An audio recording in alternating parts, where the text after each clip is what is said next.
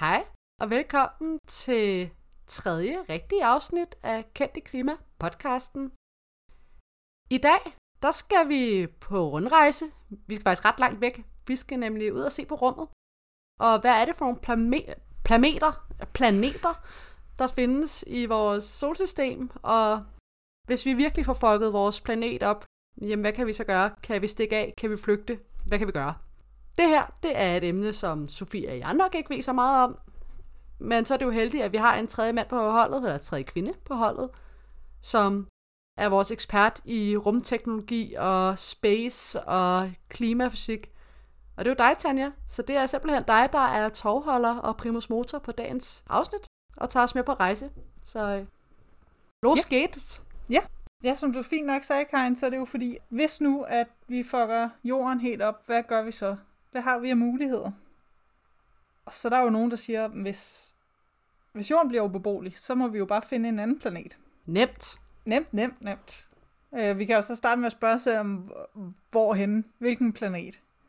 Og hvis vi nu bare kaster nettet virkelig bredt og siger hele universet, så kan vi sige, at lige nu, der kender vi til cirka 5.000, det vi kalder for eksoplaneter, altså planeter uden for vores solsystem. Øh, og det er selvfølgelig kun et lille antal af, hvad der egentlig findes. Men det er bare dem, vi har observeret og er sikre på er der. Og det er alle planeter, fordi man snakker også om de planeter, hvor man måske har mulighed for at have liv.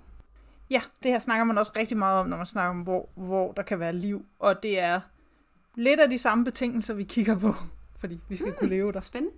Men 5.000 planeter, må jeg lige spørge? 5.000 planeter? Vi har jo altså trilliarder af stjerner. Det er rigtigt nok, og det er også det, jeg siger, de 5.000 er bare et, helt sikkert bare et lille udsnit af, hvad der egentlig findes af planeter. Men de 5.000 er bare nogen, vi ved er der. Vi er helt sikre på, der er en planet. Fordi den har vi observeret. Ja, det er nok også meget heldigt, så man ikke flyver forgæves. Det er sidst med Ja. træls at flyve øh, mange år ud i rummet og bare være sådan, Nå, der var den sgu ikke, den der planet. Jeg tænker, det er også, vi skal, jo, vi skal jo vide, hvad det er for en slags planet, vi flyver til. Øh, fordi mm. vi har jo ligesom nogle, nogle ting, vi bliver nødt til at have opfyldt, for at den planet, vi egentlig kan bo på den planet. Og det er, mm. at øh, den ene meget, meget vigtige ting, det er, det er det, vi kan kalde for en klippeplanet. Altså en planet med en fast overflade. Det ville være lidt surt, hvis vi landede på en gasplanet. ja, nu ryger bare ned igennem, og så dør vi alligevel. Så lad os finde en med en fast overflade, vi rent faktisk kan lande på. God idé. Jamen, så har vi jo nogle andre betingelser for, for, for liv. Vi har vand. Det er en meget, meget vigtig betingelse for alt det liv, som vi kender, også for os mennesker. Så vil vi rigtig gerne have, at på den planet, vi kan finde vand på den planet på en eller anden måde. Fordi det vil være ret træls at skulle bringe en hel masse vand fra jorden, jeg ved ikke, alt jordens vand, til en anden planet. Det, det, Det det vil lyder være ret tungt i svært. hvert fald. Ja, Det, det lyder ikke helt brændstoføkonomisk at skulle... Øh, Kan man ikke sådan mere. kemisk, altså lave en kemisk reaktion, og så få vand? Kan man det? Jo, men så skal du have de dele, du skal bruge til den kemiske reaktion på den planet. altså hydrogen, Nå. hydrogen og oxygen. Ja, enten skal du have vand, eller så skal du have bestanddelene til vand. Men du skal bare kunne skaffe vand på den planet på en eller anden måde. Og det nemmeste er, hvis det findes som vand. Om det så er flydende, eller is, eller et eller andet. Okay, findes det på andre planeter? Det er jo det, er jo det vi, der bliver let efter. Men det der er, det er, at, at hvis vi leder efter liv i rummet, leder vi først og fremmest efter flydende vand på andre planeter. Og flydende vand, altså det, det er der jo, altså det har man set lidt tegn på, sådan for eksempel på en måne. Ikke vores måne, en anden måne. Men ellers så ved man steder, hvor der findes vand på isform. Og det er jo også meget. Så skal man bare bruge noget varme, og så er man der jo. Noget varme og noget tryk. Fordi vi mennesker vil rigtig gerne have en atmosfære. Vi vil gerne kunne leve under det tryk, vi ligesom er, ligesom er bygget til. Det lyder som en god pointe. Kan man eksplodere, hvis man kommer... Ja, Ja. ja. Vi så også i folkeskolen sådan nogle eksploderende flødeboller. Alt luft inde i din krop vil jo ligesom udvide sig. For eksempel vil vandet i dine øjne begynde at koge, hvis du kommer et sted hen, hvor der ikke er noget tryk. Au. Ja. Så, så ja, vi vil gerne have, der er et tryk.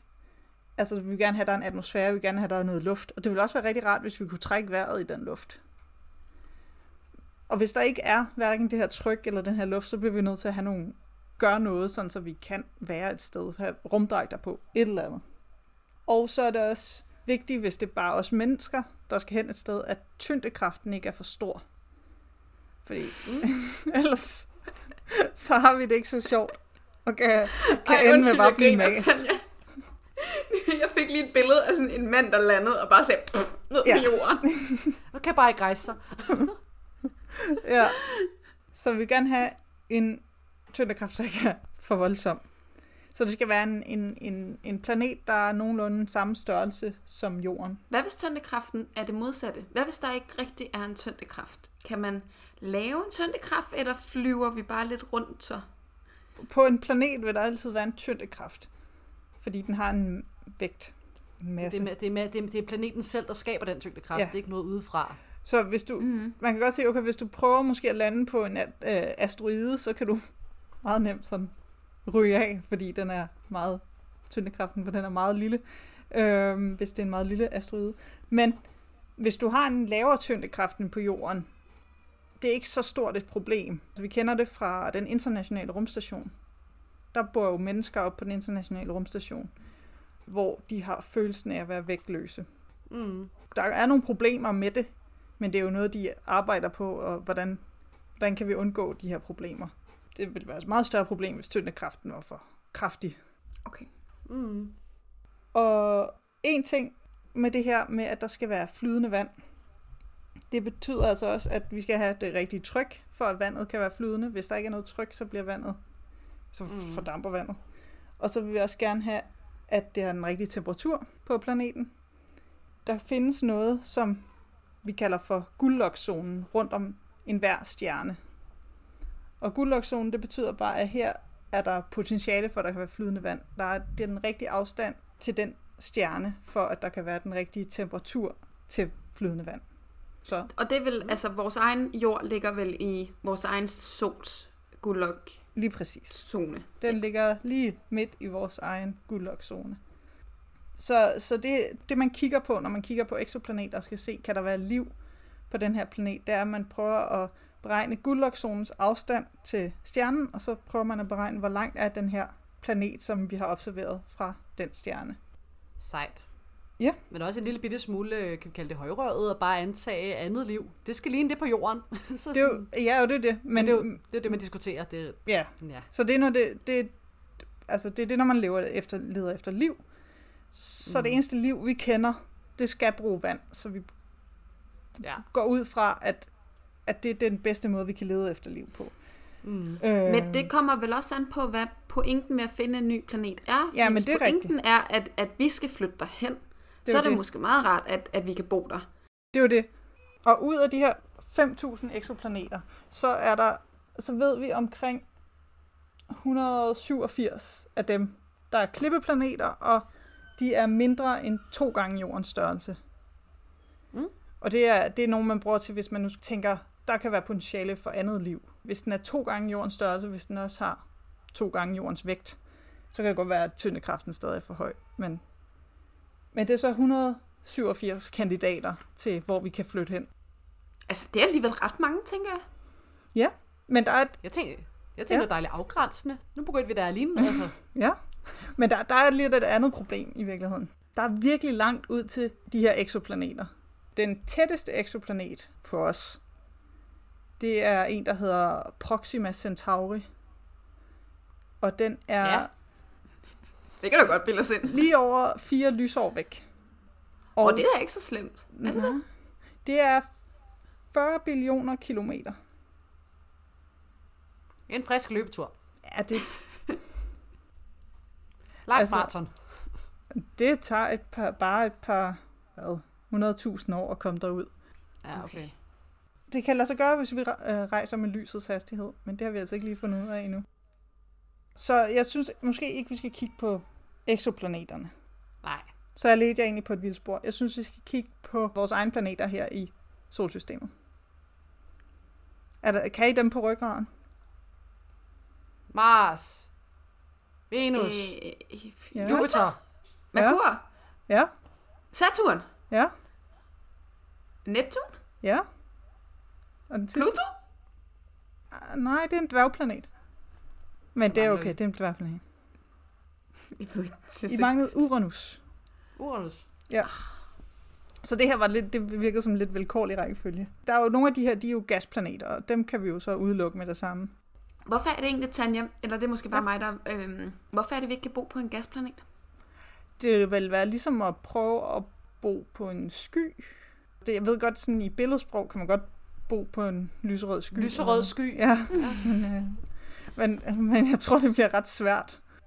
Altså, så, og så skal du begynde at udvikle sådan noget, du kan, noget hvor du kan sådan svæve rundt på sådan nogle platforme op øh, på et eller andet Altså, sted de jeg, der er mange gasarter. Ja, og så tænker, jeg, der er mange gasarter, der ikke er særlig, altså, særlig gode for os, tænker jeg også. Ja. Yeah. Men når nu vi er derude, Ja. alligevel. Ja, det simpleste er at tage de her klippeplaneter. Og der har vi så, øh, i vores solsystem har vi fire af dem. Vi har Merkur, Venus, Jorden og Mars. Og øh, nu, var det, nu skal vi kigge bort fra Jorden. Så har vi Merkur og Venus og Mars. Og øh, Merkur kan vi lige så godt bare smide væk. Den, den, er, den skal vi lade være med at kigge på. Den er, Den er meget ikke- kold, ikke? Den er både rimelig kold og rimelig varm. Hvordan? der sker ikke så meget på Merkur. Der er meget lange nætter på Merkur, og meget lange dage. Og på dagsiden er der rigtig varmt, og på nattesiden er der rigtig koldt. Ja, okay. Ja. Og det virker meget uholdbart, vil jeg gerne sige. Ej, Tanja, vi har stillet os rigtig mange dumme spørgsmål. Som sagt, vi ved, er intet om det her, så vi er bare sådan, huh, planeter, det er sejt. Så nu får du altså alle de her barnlige spørgsmål, man simpelthen er gået rundt og... Jamen, det er de bedste spørgsmål. Hvor skal vi få- så flytte hen? Vi kan kigge på vores to naboer, Venus og Mars. Og mm. de har begge to altså tæt på jordens størrelse. Mars er lidt mindre end jorden, og Venus er lige omkring jordens størrelse. Og Venus, det er en øh, rimelig spændende planet. Det vil tage cirka 120 dage at rejse til Venus. Nå, det var faktisk ikke så farligt. Altså det Nej, er det er ikke så. meget overskueligt. Og den ligger faktisk lige inden for guldlokzonen. Mm. Så det er jo også en god ting. Og så har Venus også, også en atmosfære. Faktisk, hvis man øh, flyver forbi Venus, så kan man ikke se ned på overfladen, fordi der er fuldstændig dækket af skyer. Okay. Venus har jo så en atmosfære, hvilket er en god ting. Men atmosfæren, den er meget, meget, meget tyk. Så der er et kæmpe tryk på Venus overflade. Jeg mener, det er sådan noget med, at hvis man står på Venus overflade, så er det ligesom at stå en kilometer under havet. Au. Ja, så, så som du sagde, de her, øh, med de her mærkelige øh, skyer, så er de meget svovlsyreholdige.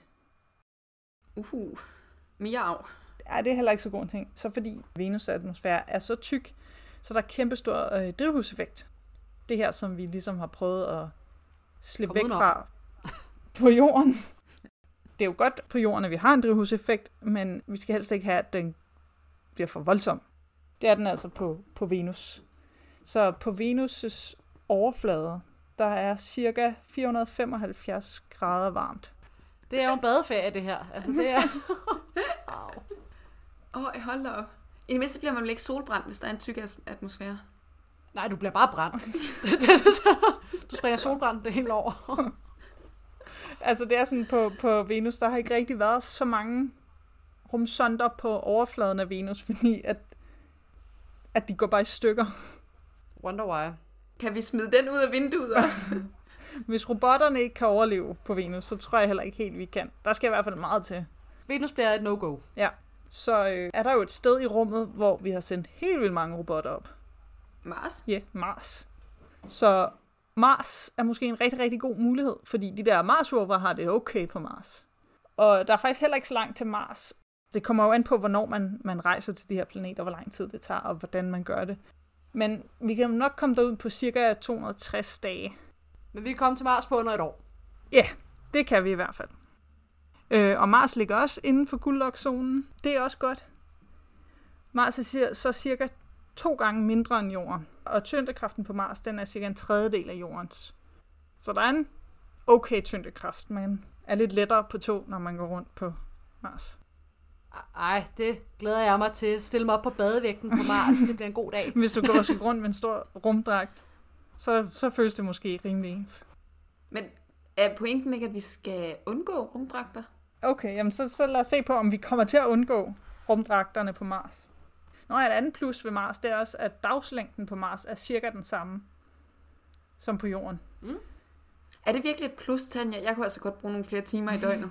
Jamen, det er også sådan lidt længere end, Nå, okay. så du får lige lidt ekstra søvn. Så vil jeg sige, en anden god ting ved at bo på Mars, det er, at man får en masse robotter som naboer. Det er jo altid sjovt. Så kører der lige en lille Curiosity rundt, som man kan vinke til eller et eller andet. Det synes jeg er bare en fordel. Det er da bare sejt. Jeg tror kun, det er ingeniører, der har de her fordele. Eller der tænker, det der. 10 år i, tror jeg også ville synes, det var sejt. Nå, vi får robotter som naboer ja. på Mars. Plus, Hvad er der ellers af gode ting? på Mars, der er is. Og mm. det er selvfølgelig ikke sådan noget flødeis, men det er vandis. Åh, oh, det kunne ellers være lækkert. is af vand. Og det er jo virkelig, virkelig godt, fordi så er der ligesom vand. Faktisk er det sådan, at nogle gange på Mars, når, når det er sådan lige midt på dagen, og solen står højst, og det hele spiller, så lidt den her is smelter og løber ned af sådan nogle skråninger og sådan noget. Så der er jo altså my smule flydende vand. What? Jeg er den eneste, der virkelig ikke har fanget det her før. Jeg har virkelig troet, at sådan noget vand på andre planeter var noget, vi ledte efter. Og så tror jeg, jeg har hørt om rygter om is på Mars, men ikke, at der også var flydende vand. Jeg tror, man What? har fundet altså sådan aftrykkene af, at man er sådan, der har muligvis været vand på et tidspunkt. Ja, præcis. Men jeg vil også sige, Nå, at alt det, I siger, er rigtigt, fordi øh, det, det her vand, flydende vand på Mars, det fordamper nærmest med det samme. Nå, Fordi at atmosfæren på Mars er virkelig, virkelig tynd. Den er cirka 1% af jordens atmosfære.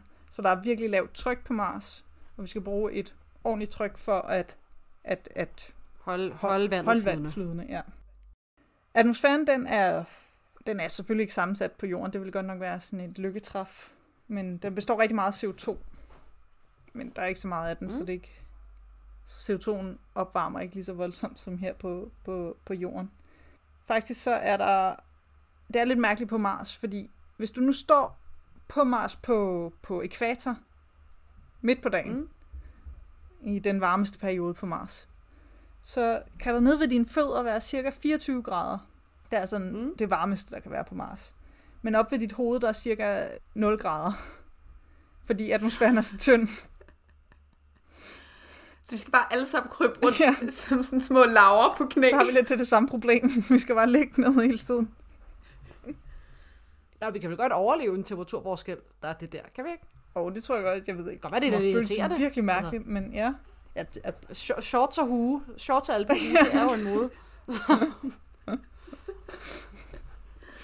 åh, det er ligesom de der sådan, dage i foråret, hvor man får taget shorts på, og så sådan en sweater. Det, Ja, præcis. Ja. Det er jo ingen problemer. Det kan vi sagtens. Sagtens.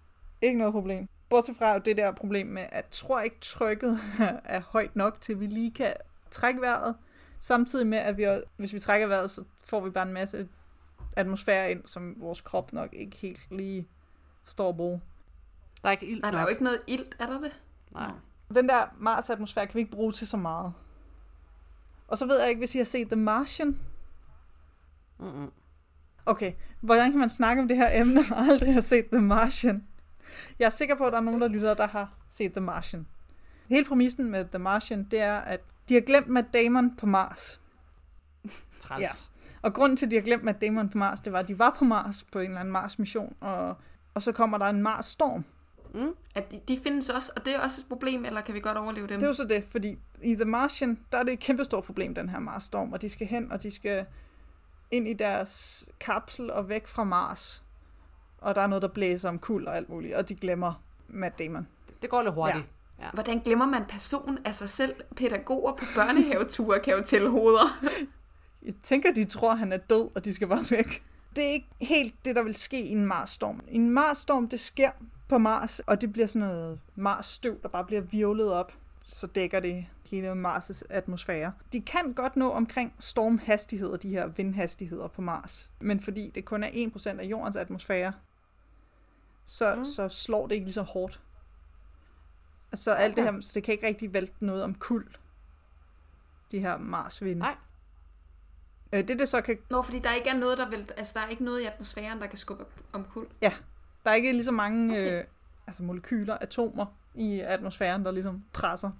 Mm. Så der kan være st- store støvstorme, men det er ikke vindhastigheden, der ud, eller vinden, der, der ødelægger noget. Det er mere det alt det her støv, Mars støv, Mm. alt det her røde Mars støv, det her giver problemer med for eksempel solpaneler. Det ligger så mm. på, på, på Mm. solpaneler, på solceller, og så, så dækker Ja. ja. det for det.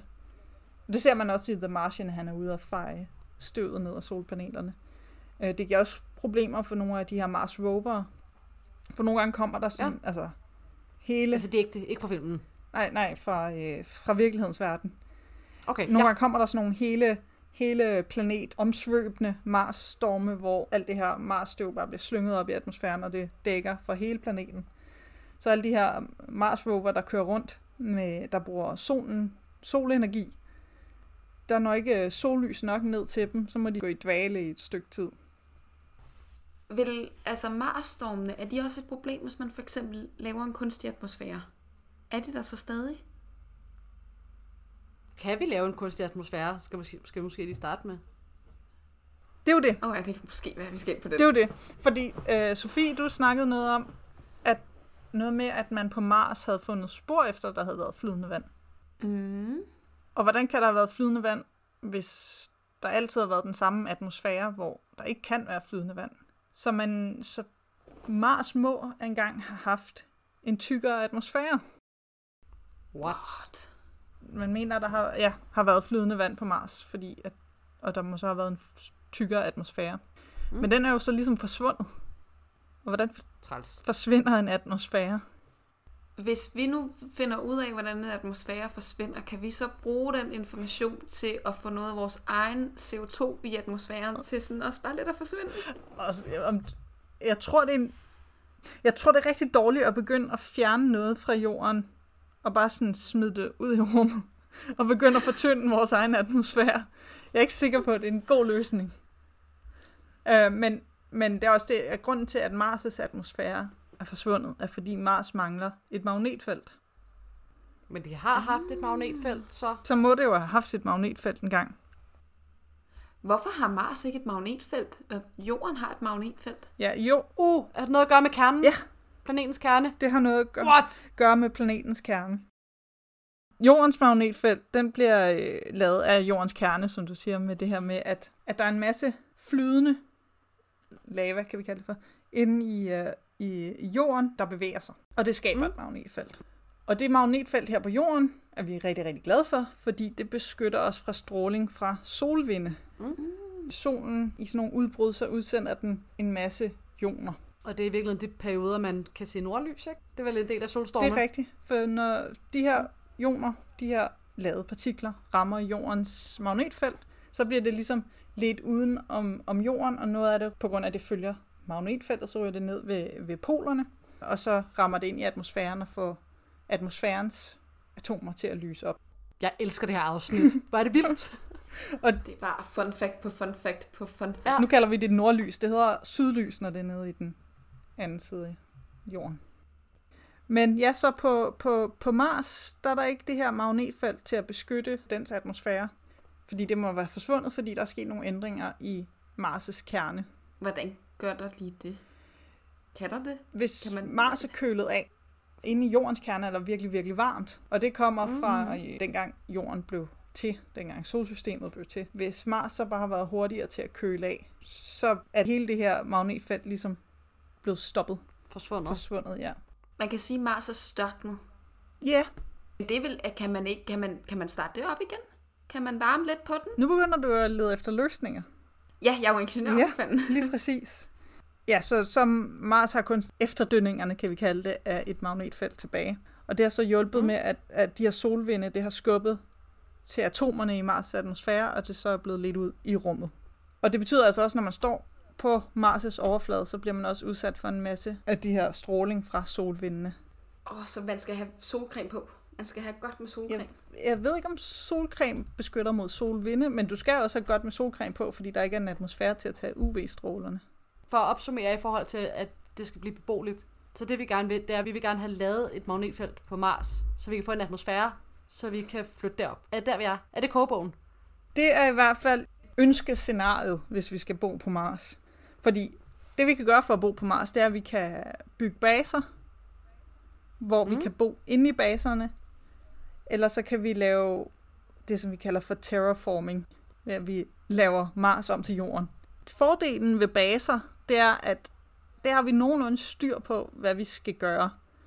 Og mm. altså, vi kender mange, nogle af de her ting fra, fra den internationale rumstation, hvordan man får en Mars-base til at være selvforsynende, og hvad man skal beskytte sig imod. Og så kan man jo også få planter til at gro inde i sådan en Mars-base. Vi kan lave nogle drivhuse, hvor vi får solenergi ind, og så skal vi lige have pumpet lidt CO2 ind for at få lidt højere tryk inde hos planterne. De kan jo bare generere en masse ilt. Men den store ulempe er vel, at det ikke er så sikkert, at hvis det her det skal være hele befolkningen, at en hel befolkning gider at bo i sådan nogle små kubler. Ja, lige præcis. Hvor meget plads skal vi alle sammen have, og kan, hvordan kan vi bare bevæge os frit rundt og sådan nogle ting. Det begynder nok at blive Mhm. ret kedeligt at skulle bo på Mars. Men Tanja, hvis man skal bo i de her kubler, og skal have CO2 ind til planterne, som du også sagde, skal alle de ressourcer komme ned fra jorden af? Altså, skal man, er der noget på Mars, man kan bygge af, eller, eller, eller skal absolut alting komme fra jorden? Det bedste vil jo være, der hvor end du tager hen, hvis du tager til månen, eller hvis du tager til Mars og skal bygge noget, at du kan bruge det, du har deroppe. Så du skal ikke bruge en masse energi på at transportere ting frem og tilbage. Men der er, altså, der er mange ting. Der skal for eksempel også, hvis du skal dyrke noget i Mars jord. Der er vist noget med, at mineralerne er der, men det organiske materiale, de skal bruge, er der ligesom ikke. Så det skal der tilføres. Så der skal gøres en masse ting, men man begynder at have udviklet en masse idéer og metoder til, hvordan vil man kunne være øh, self-sustainable. Selvforsynende lige præcis. På Mars, eller på månen snakker man også om. Men, men ja, så ville det jo så være, hvis nu man boede deroppe i baser, så kunne man måske begynde at finde ud af, hvordan får vi Mars til at ligne jorden. Ja, sådan en to, to trins raket. Ja, det kunne man måske. Og, og det var, som du siger, der skal vi have en atmosfære. Og hvordan får vi den atmosfære? Vi skal have lavet et magnetfelt. Og så kommer vi ud i de helt vilde ingeniørløsninger. For hvordan får man lavet et magnetfelt? Skal vi starte Mars' egen magnetfelt op igen? Det er ikke helt realistisk. Så vi skal have skabt et kunstigt magnetfelt. Altså, iPhonen var ikke realistisk for 20 år siden. Det er rigtigt. Og Og 30. jeg vil sige, det her vil nok tage ekstremt lang tid. Så der bliver jo helt sikkert fundet på alle mulige løsninger til den tid. Hvis vi nu skaber et magnetfelt omkring Mars, Mm. altså jeg har set forskellige, der er i hvert fald folk, der prøver at finde ud af, hvordan, hvordan kan vi lave et magnetfelt på Mars. Og det er sådan noget med, skal vi have sådan nogle kæmpe store magneter. Supermagneter. Ting, der Ja. skaber et magnetfelt, der for eksempel kredser omkring Mars. Der er sådan noget med ioner og sådan noget i Mars har nemlig to måner. Og det er noget med den ene Ja. bane, så kan man lave noget med nogle ioner og skabe et magnetfelt på den måde. Eller i Mars' bane omkring solen kan vi måske lægge nogle supermagneter, der så trækker et magnetfelt efter sig, der ligesom kommer til at omkranse Mars. Der er mange ret vilde vanvittigt. løsninger på det her, som er meget teorier og øh, meget urealistiske i mange år frem. Men, men, men må jeg så ikke lige fortsætte den der, fordi. Ja. nu siger du, de er meget urealistiske. Så hvis vi nu lige vender det hele tilbage til, jamen, planet B, den bedste planet B, vi har, som jeg hører dig sige, så lige nu, så den bedste planet B, det er, det er Mars. Ja. Er det realistisk lige forløbig? Det, der er realistisk med Mars, det er, at inden for så og så mange år, så er der nok nogle mennesker, der er fløjet til Mars og har bosat sig mere eller mindre permanent på Mars. Ligesom der for eksempel er på rumstationen. Men at vi skal flytte hele menneskeheden til Mars, virker virkelig urealistisk og ekstremt, ekstremt dyrt og energikrævende. Og, og hvis man skulle være lidt kritisk, så al den forskning, der skal til for at lave et magnetfelt og en atmosfære på Mars, skulle man ikke få de kloge hoveder til at passe på vores planet i stedet? Altså jeg vil sige, skal vi ikke bruge den energi og de penge på at passe på vores planet? Fordi Jo. Jeg vil sige, forskerne, der tænker i det, Ja, de forsker bedst i det, de synes, der er Ja, interessant. de forsker ja. forhåbentlig bedst i lige det, de synes er interessant. Så hvis det er det, de synes, der er interessant. Og jeg tænker, der er rigtig, rigtig mange forskere inden for klima. Og jeg er sikker på, Mm. mm. der er en masse, der er ved at uddanne sig til det, og en masse, der i fremtiden vil blive forskere i klima. Øh, så jeg tænker, at alle de forskere, der er forskere i, hvordan man laver et magnetfelt omkring Mars, de bare skal slå sig løs. Det er mere, hvad Hvad Mm. bruger vi pengene og energien på? Og der er det nok, Ja. det der bedst kan betale sig, det er at, at sørge for, at vi stadig kan bo på jorden. Det lyder rigtigt. Eller det, ja, giver mening. Jeg skulle til at sige, men det er jo ikke lige så sejt at blive boende på jorden, men, men det er jo bullshit, fordi hvor er det egentlig sejt og vildt og fantastisk, at vi har en jord, der er beboelig, og vi er her. Men kan man rent, altså jeg siger ikke, at det er et spørgsmål, det er et spørgsmål om øko- økonomi, og jeg siger ikke, at alting burde være et spørgsmål om økonomi, men kan man regne ud økonomien bag at sende folk til Mars og terraforme Mars mod at knække kurven øh, herhjemme på jorden og undgå CO2 i atmosfæren? Nej, for det, det hele er vel sådan noget øh, hokus pokus, øh, fiktive løsninger. Så begynder du at smide fiktiv økonomi på. Altså, nej, jeg, jeg, jeg er ikke økonom. Du kan sikkert godt regne i en masse ting og finde et eller andet form for estimat. Men det kan jo kun være et Mm. estimat.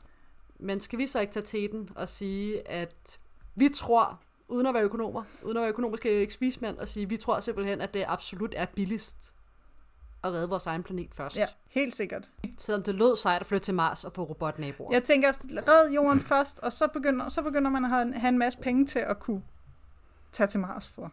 Så kan vi tage hyggeture til Mars bagefter. Sejt. Det synes jeg skal være konklusionen. Vi kan ikke bare stikke af.